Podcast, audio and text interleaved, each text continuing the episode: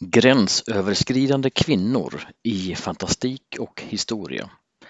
Denna föreläsning spelades in på Swecon 2021, Fantastica i Stockholm. Föreläsningen hålls av Stefan Högberg. Svekon-poddar, en poddradio från svenska science fiction och fantasykongresser.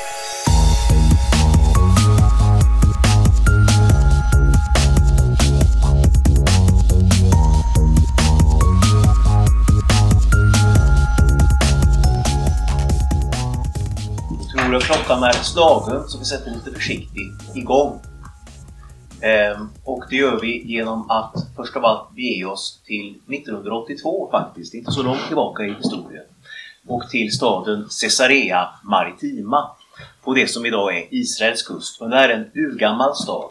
Och 1982 så var amerikanska och kanadensiska arkeologer på plats där för att gräva ut ett gravfält från 11 och 1200-talet. Och det här gravfältet hade använts av både kristna och av muslimer. Det kunde man se på hur kropparna låg placerade i de djupa stensatta gravarna som arkeologerna nu tog fram. Eh, och det här var ett långt och mödosamt arbete i Medelhavshettan. Man fick gräva fram eh, de gamla benen med träredskap och till och med målarpenslar för att inte riskera att skada dem. Och ganska snart började väl spänningen i början av en utgrävning övergå i rutin. Men så eh, en dag så hände någonting oväntat. Små bronsplattor började dyka upp under en arkeologs pensel. Hundratals små bronsplattor. Och man insåg att den som låg i den här graven hade begravts i rustning. Eh, det var ett fjällpansar. De här bronsplattorna hade suttit fästa vid en slags läderväst och skyddat bäraren mot hugg och slag. Men lädret hade multnat bort i graven. Och det här var en kristen grav, det kunde man se på hur skelettet var placerat. Så kanske var mannen i rustningen korsfarare. 11 och 1200-talet var ju korstågens tidevarv.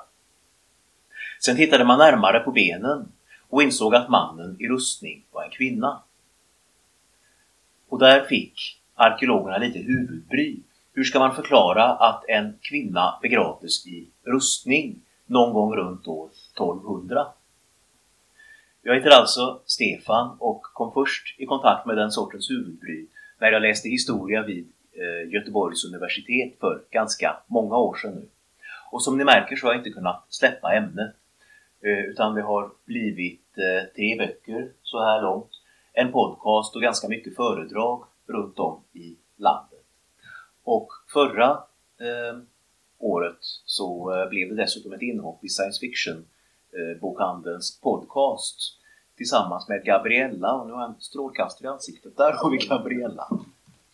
Och då pratade vi om just det här, kvinnor i fantastik och kvinnor i historien. Och eh, eh, jag tänkte att det här kan bli en ganska bra komplement till den diskussionen.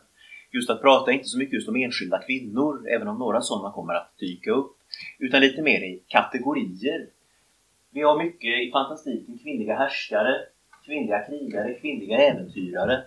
Kan vi hitta motsvarande kategorier i historien och i så fall, hur funkade de i verkligheten, så att säga? Det är det jag tänker vi ska titta på den närmaste halvtimmen ungefär och vi kommer att hålla oss framförallt i medeltiden. Dels för att det är det som jag har studerat mest och har mest exempel ifrån, men också eh, för att medeltiden ju är en ständig källa till inspiration för fantastikförfattare. Ehm, och eh, vi kommer dock att hålla oss, eh, vi gör vissa utflykter till tidigare och senare i historien. Men däremot håller vi oss till västerlandets historia. Eh, så att det inte blir alltför splittrat även om andra världsdelars historia också har mycket intressanta saker att berätta för oss. Och jag ska för säkerhets skull också börja med en liten disclaimer, som amerikanerna skulle säga.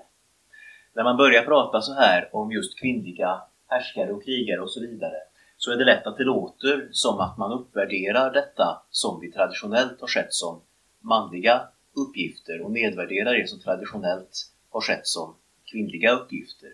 Och det menar jag förstås inte att göra. Det är, även om jag låter förtjust när jag pratar om kvinnliga härskare och så vidare, så är jag minst lika förtjust i historiska kvinnor som har ägnat sig åt, vad ska vi hitta på, textilarbete eh, ta hand om hem och barn och och så vidare. Eh, så det, det är inte någon värdeskala som det är frågan om. Men med detta sagt, låt oss kasta oss rakt in i ämnet kvinnliga härskare. De har vi ju gott om i eh, fantastiken. Eh, vi har till exempel eh, Kalante i eh, ehm, The Witcher som Gabriella introducerade mig för. Eh, vi har eh, Galadriel i Sagan om ringen. Eh, tvekar inte att ta upp.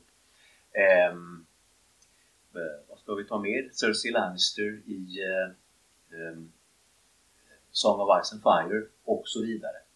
Och kan vi då hitta några kvinnliga eh, härskare i historien? Ja, det är klart att vi kan. När jag började med det här ämnet sådär 2008-2009 så höjde det kanske vissa ögonbryn, men nu tror jag att det är ganska så självklart för de flesta. Men för att ta lite exempel så har vi till exempel Margareta Valdemarsdotter på 1300-talet, drottning Margareta, som föds som dansk prinsessa på 1300-talet, som eh, gifts bort med norske kungen och får barn med honom. Men när sedan pappa kungen hemma i Danmark dör så får hon till det att hennes son ska räknas som den nye kungen av Danmark och att hon ska få styra i hans namn. Sen dör maken borta i Norge och hon får till att eh, sonen ska ta över kronan även där och att hon ska styra i hans namn. Och sen dör olyckligtvis även sonen. Men vid det laget så kan hon helt enkelt bara styra för då är hon så pass inkörd i detta att det bara är att köra på. Sedan ber de svenska stormännen om hjälp att bli av med sin kung som de inte är så förtjusta i. Det tar några år men efter ett tag så kontrollerar Margareta även Sverige och kan eh, grunda Kalmarunionen. Och det är egentligen ingen som rår på henne politiskt. Det är till slut pesten som dödade henne år 1412. Men eh, hon är en stark kandidat om man skulle göra någon slags tävling om Skandinaviens bästa politiker genom tiderna, skulle jag säga. En mindre känd men ändå intressant kvinna som gjorde något liknande för eh, ja, några decennier, eh, till och med några generationer före Margareta var Ingeborg Håkonsdotter. Liknande historia. Hon föds som eh, prinsessa i Norge och eh, gifts bort med den rebelliske prinsen Erik av Sverige, Erik Magnusson, som i det här laget har karvat ut ett eget litet rike åt sig själv i det som idag är Västsverige. Eh, men han stryker med i Nyköpings gästabud 1317 och Eh, då sluter hans anhängare upp bakom Ingeborg, sannolikt för att använda som en galjonsfigur i det inbördeskrig som just har börjat. Men när det blir Ingeborgs och Eriks lille son Magnus, tre år, som får ta över kronan i både Norge och Sverige efter att inbördeskriget är klart, så styr Ingeborg i hans namn ehm, och eh, gör bland annat ett försök att erövra Skåne från Danmark. Ehm, hon eh, blir eh, till slut blir hon av med Sverige och Norge men har vid det laget lyckats bygga upp ett eh, aristokratiskt välde i Danmark istället. Och för att ta ett exempel som eh, är utanför Skandinavien så kan vi titta på Hild av Whitby. Och då byter vi inte bara geografi utan även kronologi. För Hild eh, är född på 600-talet, alltså alldeles i början av medeltiden, som kungadotter av det nordengelska riket Deira. Och sannolikt eftersom hon är kungadotter så vill biskopen av Lindisfarne ha henne som abbedissa i det kloster som idag kallas för Whitby men på den tiden hette Styrionschaft det finns en anledning att man har bytt namn. Ja. Och detta gör Hild med den äran. Det blir ett stort, eh, visserligen religiöst centrum, men även ekonomiskt och politiskt. Hon, får, hon blir en maktspelare där i norra England och bidrar sannolikt till att norra England blir mer enat under 600-talet. Och det finns en hel massa andra. Vi har begränsad tid så jag ska inte fortsätta att rabbla kvinnliga härskare. Men det kunde man alltså göra, för det finns väldigt många. Och det hör lite grann ihop med det vi har sagt om Margareta och Ingeborg, nämligen att de styr åt sina minderåriga söner. För det är ju alltså så att på medeltiden så finns det Eh, inte det skyddsnät som vi lite grann förväntar oss idag. Att om något går åt skogen så finns sannolikt någon myndighet som ska ta hand om det. Nu fungerar det inte alltid idag heller förvisso, men det finns i alla fall ansatsen. På medeltiden så är det de här mäktiga familjerna som finns. Och om det går åt skogen för dem så är det ingen som gör något utan då kastar sig andra mäktiga familjer över och tar deras grejer, så att säga.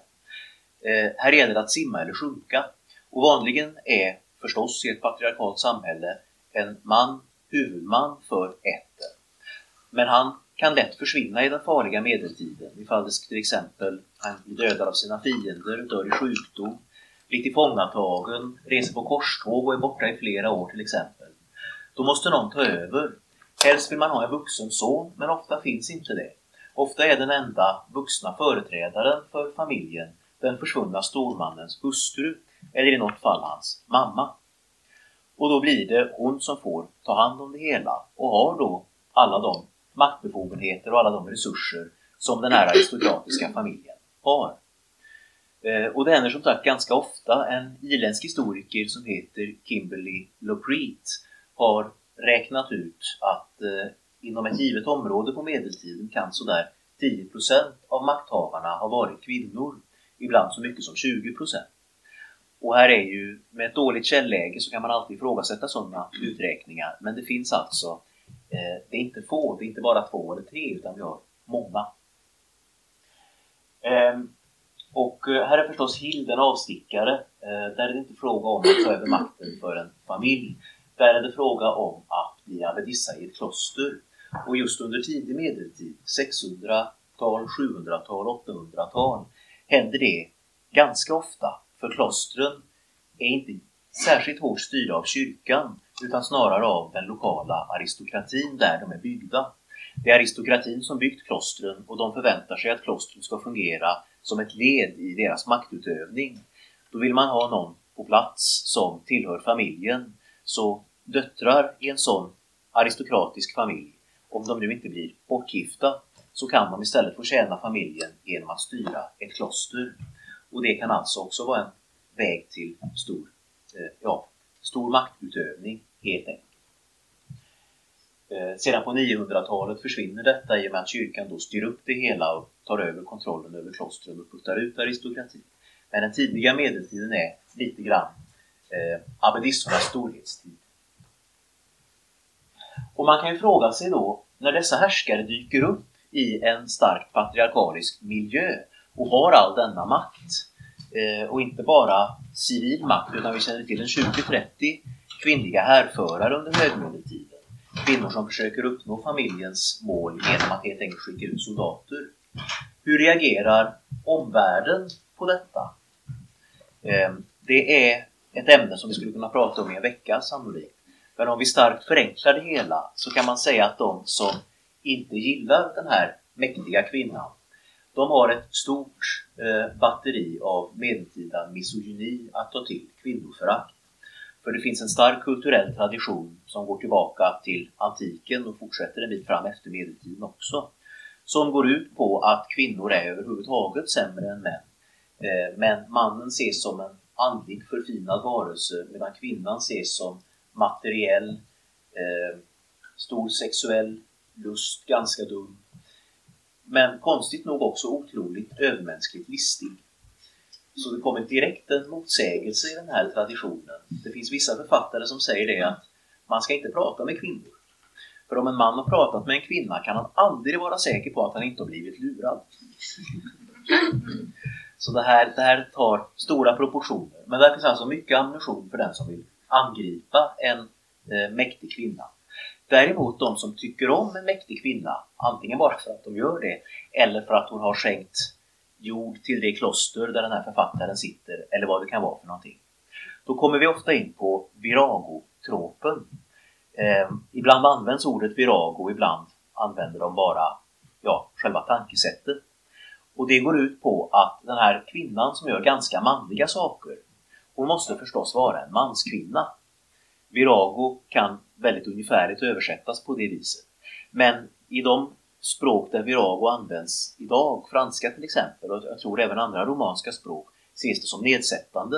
På medeltiden är det istället fint att bli kallad virago. Just i och med detta att mannen uppvärderas så väldigt. Så ifall en kvinna har eh, byggt borgar, skickat ut trupper i krig, eh, vad hon nu kan ha gjort för någonting, så leder inte detta till att männen runt omkring tänker oj då, vi måste nog omvärdera vårt sätt att se på genus. Utan de säger det att nej, nej, hon är bara ovanligt manlig för att vara en kvinna. Systemet fungerar alldeles utmärkt. Ehm, så, eh, så långt medeltiden. Jag tänkte att jag ska också, som jag lovade, prata lite grann om hur det fungerar tidigare och senare i historien.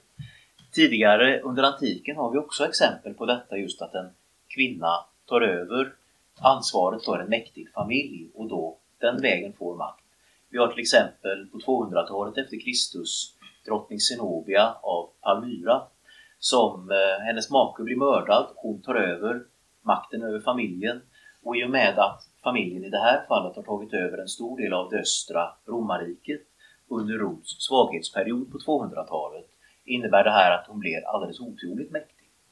Ett annat exempel på samma tema är eh, Pulcheria, kejsarinna alldeles i slutet av antiken, på 400-talet, i det som då har blivit Östrom.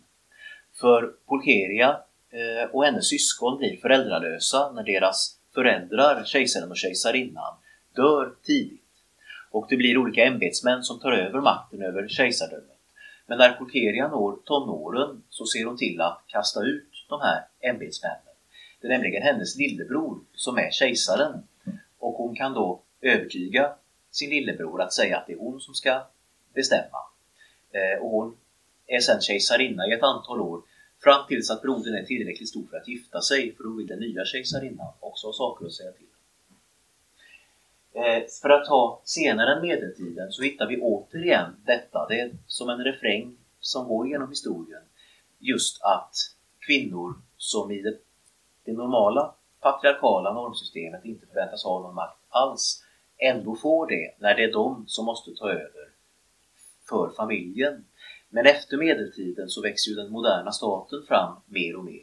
Det här med politisk makt, militär makt och de bitarna blir allt mer centrerade till någon form av regering eller ja, vad det nu kan vara för någonting.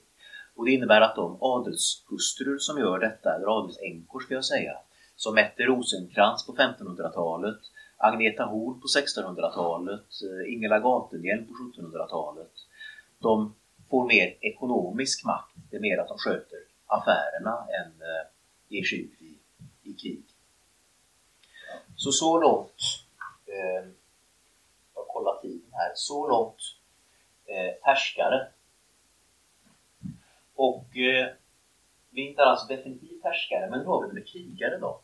I historien och återigen framförallt medeltiden. I fantastik, eh, Eowyn i eh, eh, Sagan om ringen förstås. Brienne har vi i eh, Song of Ice and Fire. Eh, och så vidare. Det, eh, jag känner att jag glömmer något exempel. Nona Gray, Red, eh, Red Sister med flera böcker. Eh, ja, även här har vi många exempel. Men kan vi hitta krigare, kvinnliga krigare i historien? Här har vi det lite svårare beroende på att när det gällde de här härskarna så är det många som skriver om dem. Medeltidens författare och även författare i andra perioder vill gärna skriva om fint folk. När det gäller de som är ute och slåss personligen med vapen i hand så får vi bra mycket mindre uppgifter.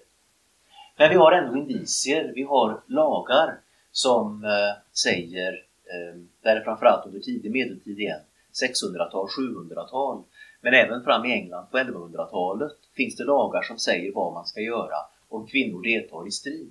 Vad som händer om en kvinna faller i strid och så vidare. Och lagarna går mest ut på att försämra eh, villkoren för kvinnor. Men eh, det är ändå att man har stiftat de här lagarna tyder ändå på att frågan var på något sätt aktuell. Även det faktum att när man på 1200-talet, 11-1200-tal, återupptäcker Aristoteles och Aristoteles verk Politiken som har varit bortglömt sedan romarrikets fall men nu kommer tillbaka i västvärlden, så står där en bisats om Eh, att Sokrates tyckte att kvinnor skulle delta i försvaret av eh, grekernas städer. Det här är ju då 300-talet före Kristus, så det är rejält föråldrat. Det är bara en bisats. Men ändå är det många lärda män som sätter sig och skriver olika traktat för att bevisa varför detta är fel, varför det inte kan stämma. Kvinnor får inte vara soldater. Återigen frågar man sig varför kunde inte detta bara få passera när det är en sån liten del av Aristoteles verk? Och så har vi också den här kvinnan i eh, rustning i Caesarea Maritima som jag började med att prata om. Så det verkar som att det är som kvinnliga krigare på något sätt har givit avtryck i andra källor, men vi får inte något riktigt greppbart om dem själva. På tal om gravfyndet i Caesarea Maritima kan vi också snabbt nämna, i och med att vi pratade om Eowyn alldeles nyss, det här med sköldmöer. Eh, Eowyn är ju smått inspirerad av vikingatida och anglosaxiska sköldmöer. Eh, och man har ju också, som ni vet, hittat vikingatida kvinnogravar med vapen i som har lett till spekulationer kring just det här sköldmotivet i vikingatidens berättelser. All, senast så var det det här eh, fyndet i Birka som slogs upp stort i pressen att man hade gjort DNA-test och sett att eh, den som låg i en av de mest berömda krigargravarna i Birka var en kvinna. Det här var nog inte en riktigt så stor nyhet som media gjorde det till, för vi kände redan innan dess till ett antal sådana här gravar det är bara det att de då hade identifierats på osteologi, att studera skelettet, snarare än genom att göra DNA-test. Men vi har alltså vikingatida kvinnliga vapengravar och när det gäller, när det ligger, när det är stora pampiga lyxgravar, mycket guldföremål, kanske vagnar, eh, djur som har offrats och så här. Då kan man fråga sig ifall de här vapnen kanske snarast är en statussymbol det är kanske inte alldeles säkert att kvinnan har använt vapnen i livet. Men det finns också ett antal vikingatida eh, kvinnliga vapengravar där en kvinna enbart begravts med vapen. Och där blir det bra mycket troligare, skulle jag säga, att det faktiskt är så att kvinnor har på något sätt deltagit i strid.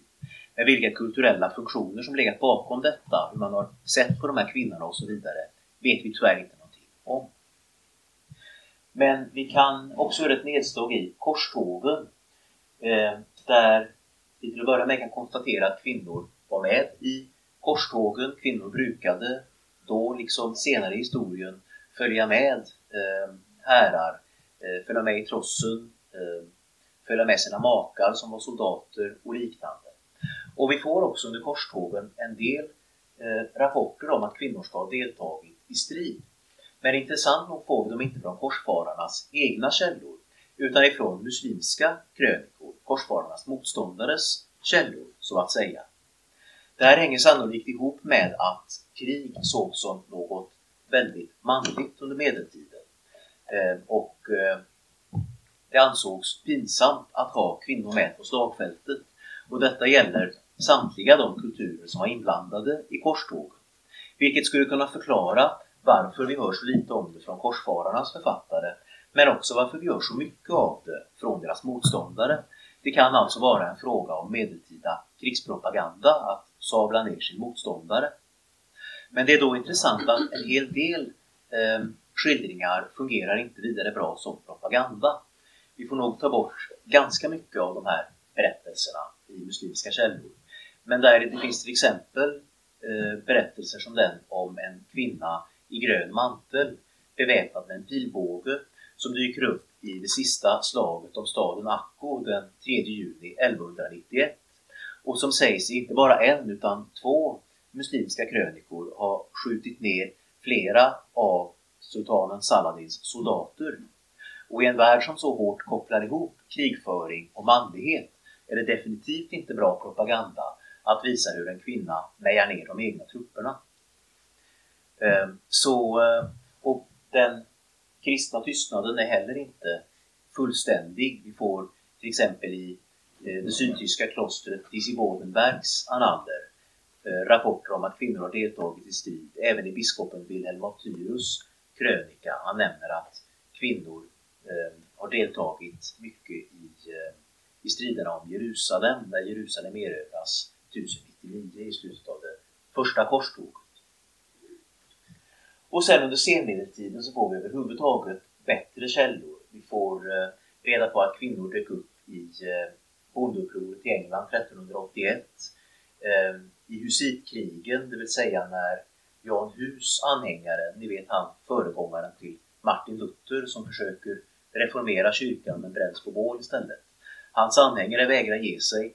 Påven utlyser korståg mot dem. Korstågshärar närmar sig Prag där de håller till från alla håll. Och i detta desperata försvar av Prag i början av 1400-talet får vi också mycket uppgifter om att kvinnor ska ha deltagit på husiternas sida. Och det verkar om man ställer samman de här små indicierna och förekomsterna vi har som att det är framförallt vid två tillfällen som det dyker upp information om stridande kvinnor under medeltid. Det är vid militära kriser, när läget är så illa att alla som kan hålla i ett vapen måste också hålla i ett vapen, för annars kommer alla att dö. Och det är vid eh, stark kollektiv ilska som under bondeupproret, pöbelmentalitet med ett annat ord. Även detta verkar vara så pass starkt att kopplingen mellan manlighet och krigföring bryts och även kvinnor dyker upp som stridande i källorna. Och nu kanske det låter som att det här är väldigt kortvariga saker, men till exempel den här belägringen av staden Akko som jag var inne på, den under tredje korståget där kvinnan i grön mantel dyker upp.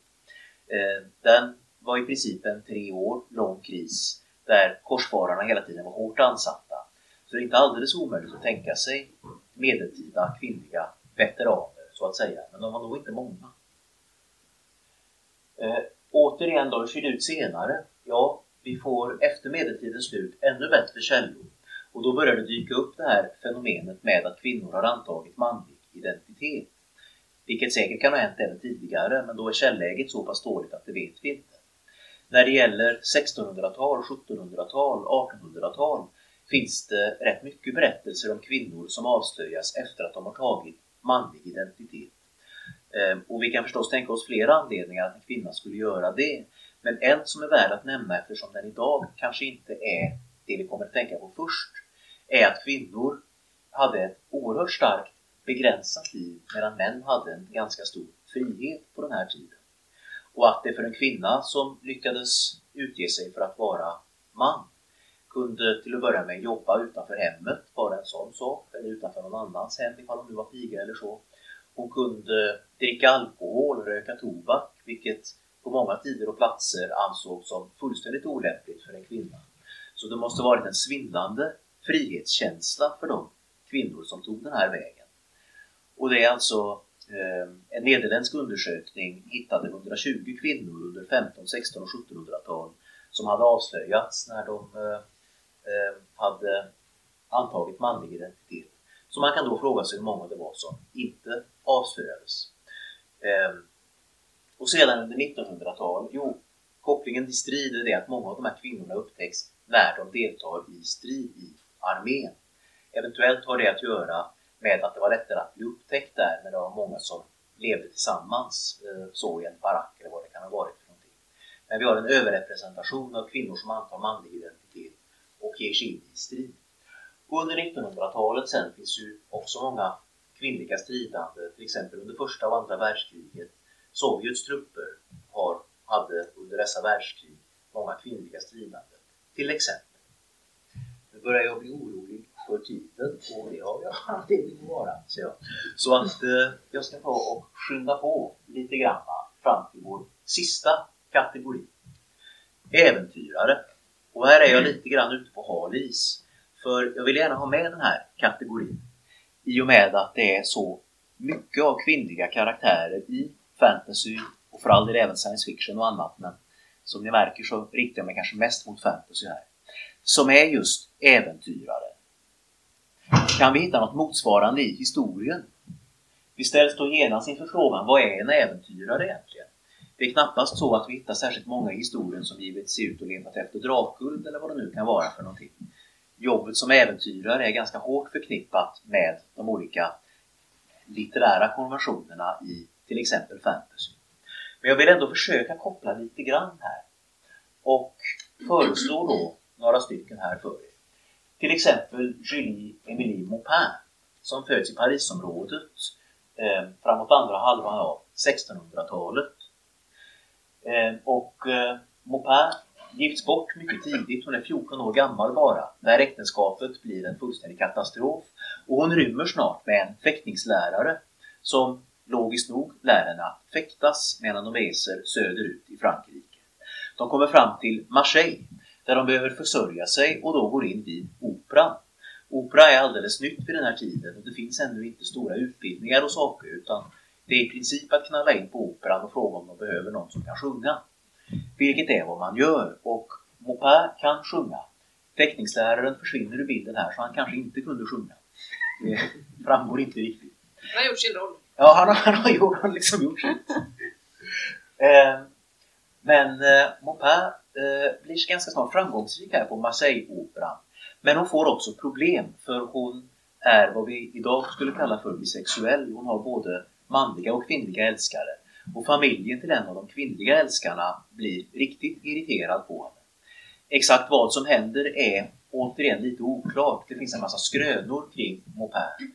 En skröna här säger att familjen sätter den här älskarinnan i kloster och att Maupin då infiltrerar klostret och bränner ner det rätt och slätt för att få ut sin älskarinna därifrån.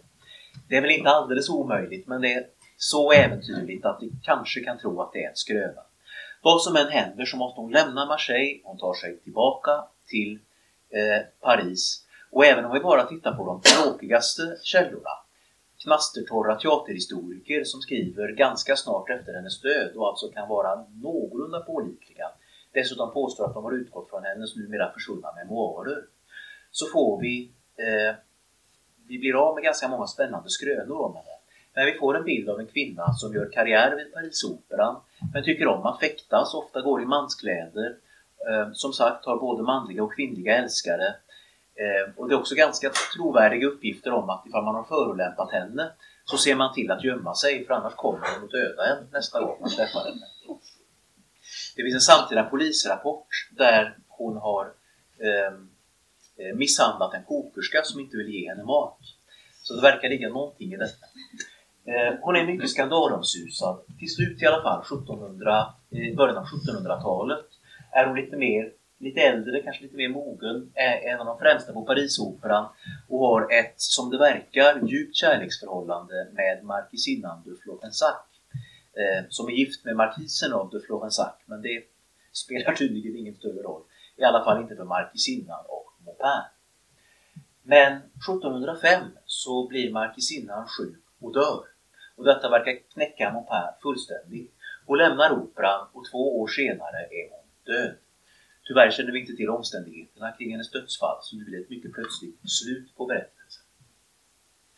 Eh, ett annat förslag, Afra Ben, fortfarande 1600-talet men i England. Och Ben, hon eh, växer upp i Canterbury i en ganska enkel familj. Men familjen har via fosterbrödraskap kontakt med en lite finare familj som i sin tur har kontakter med den rejält fina och mäktiga familjen Sidney. Och det verkar som om Afra hamnar på familjen Sidneys gods, får en utbildning där och får ett starkt aristokratiskt sätt att se på världen där. Hon blir snart inblandad i försöken att åstadkomma konungens återkomst, för att nu låna en term från Tolkien. Det här är under den tid när England är republik och Oliver Cromwell styr med järnhand. Men det är många som vill ha tillbaka konungen. Den, den ursprungliga kungen är avrättad, Karl den förste, men han har en son som har gått i exil på andra sidan Engelska kanalen. Honom vill man gärna ha tillbaka bland de här kretsarna i alla fall. Och det verkar som om Afraben i tonåren börjar agera kurir för att föra meddelanden fram och tillbaka mellan England och kontinenten. Det lyckas att få tillbaka kungen efter Oliver Cromwells död så kröns denna tronföljare till Karl den andre. Och några år därefter dyker Afraben upp i Surinam som vid den här tiden är en engelsk koloni i Sydamerika. Eh, och det verkar som att hon är där som spion, möjligen tillsammans med några andra spioner. Och vi vet att hon vid det här laget har eh, någon form av kontakt med den engelske spionchefen. Eh, anledningen att hon är där är troligen att eh, guvernören för Surinam har börjat agera som en envåldshärskare. Och hon blir också till slut utkastad ur Surinam av just denna guvernör. Och i guvernörens korrespondens kring detta verkar det som att hon har eh, haft ett kärleksförhållande med en landsflyktig man från Cromwells kretsar, en viss William Scott, som också kastas ut ur Surinam.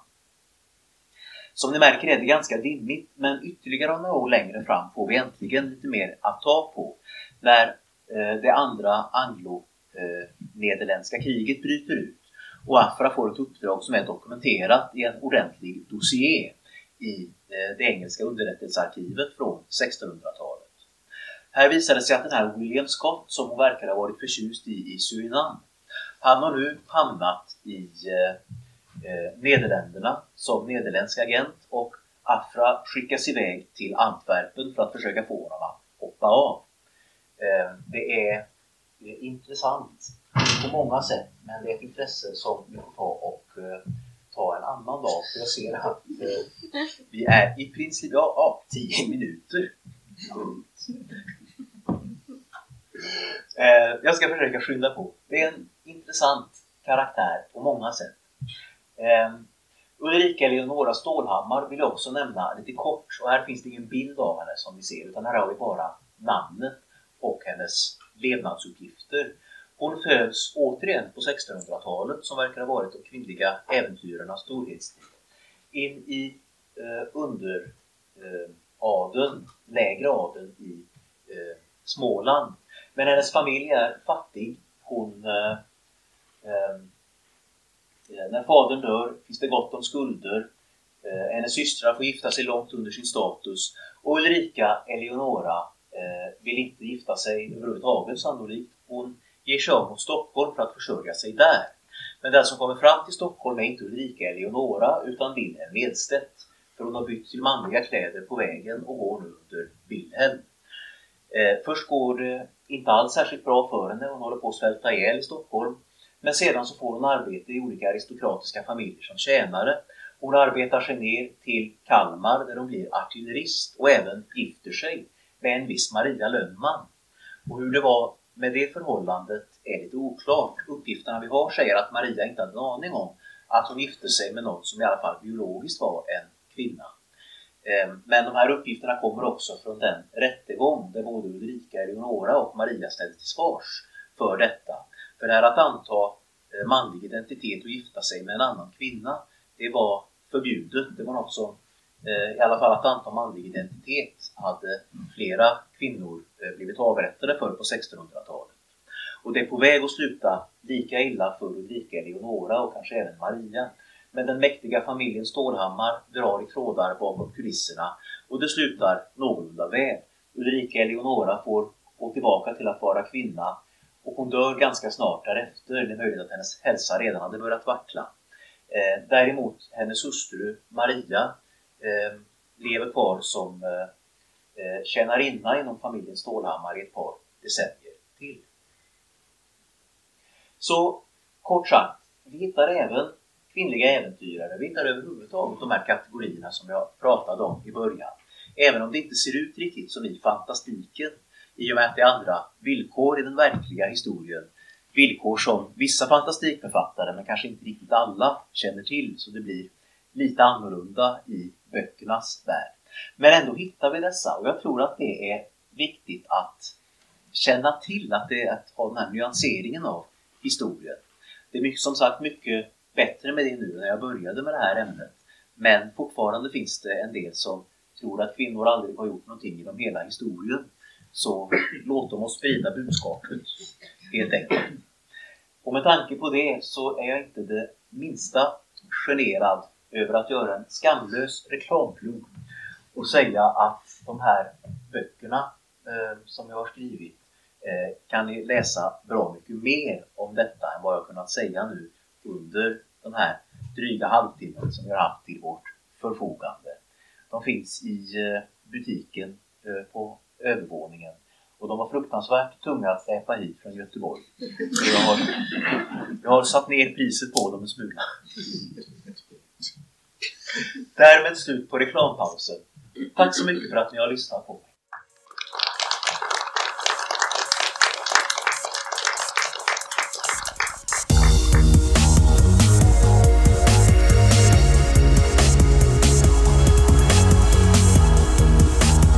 Musiken av Psychedelic Pedestrian från Free Music Archive.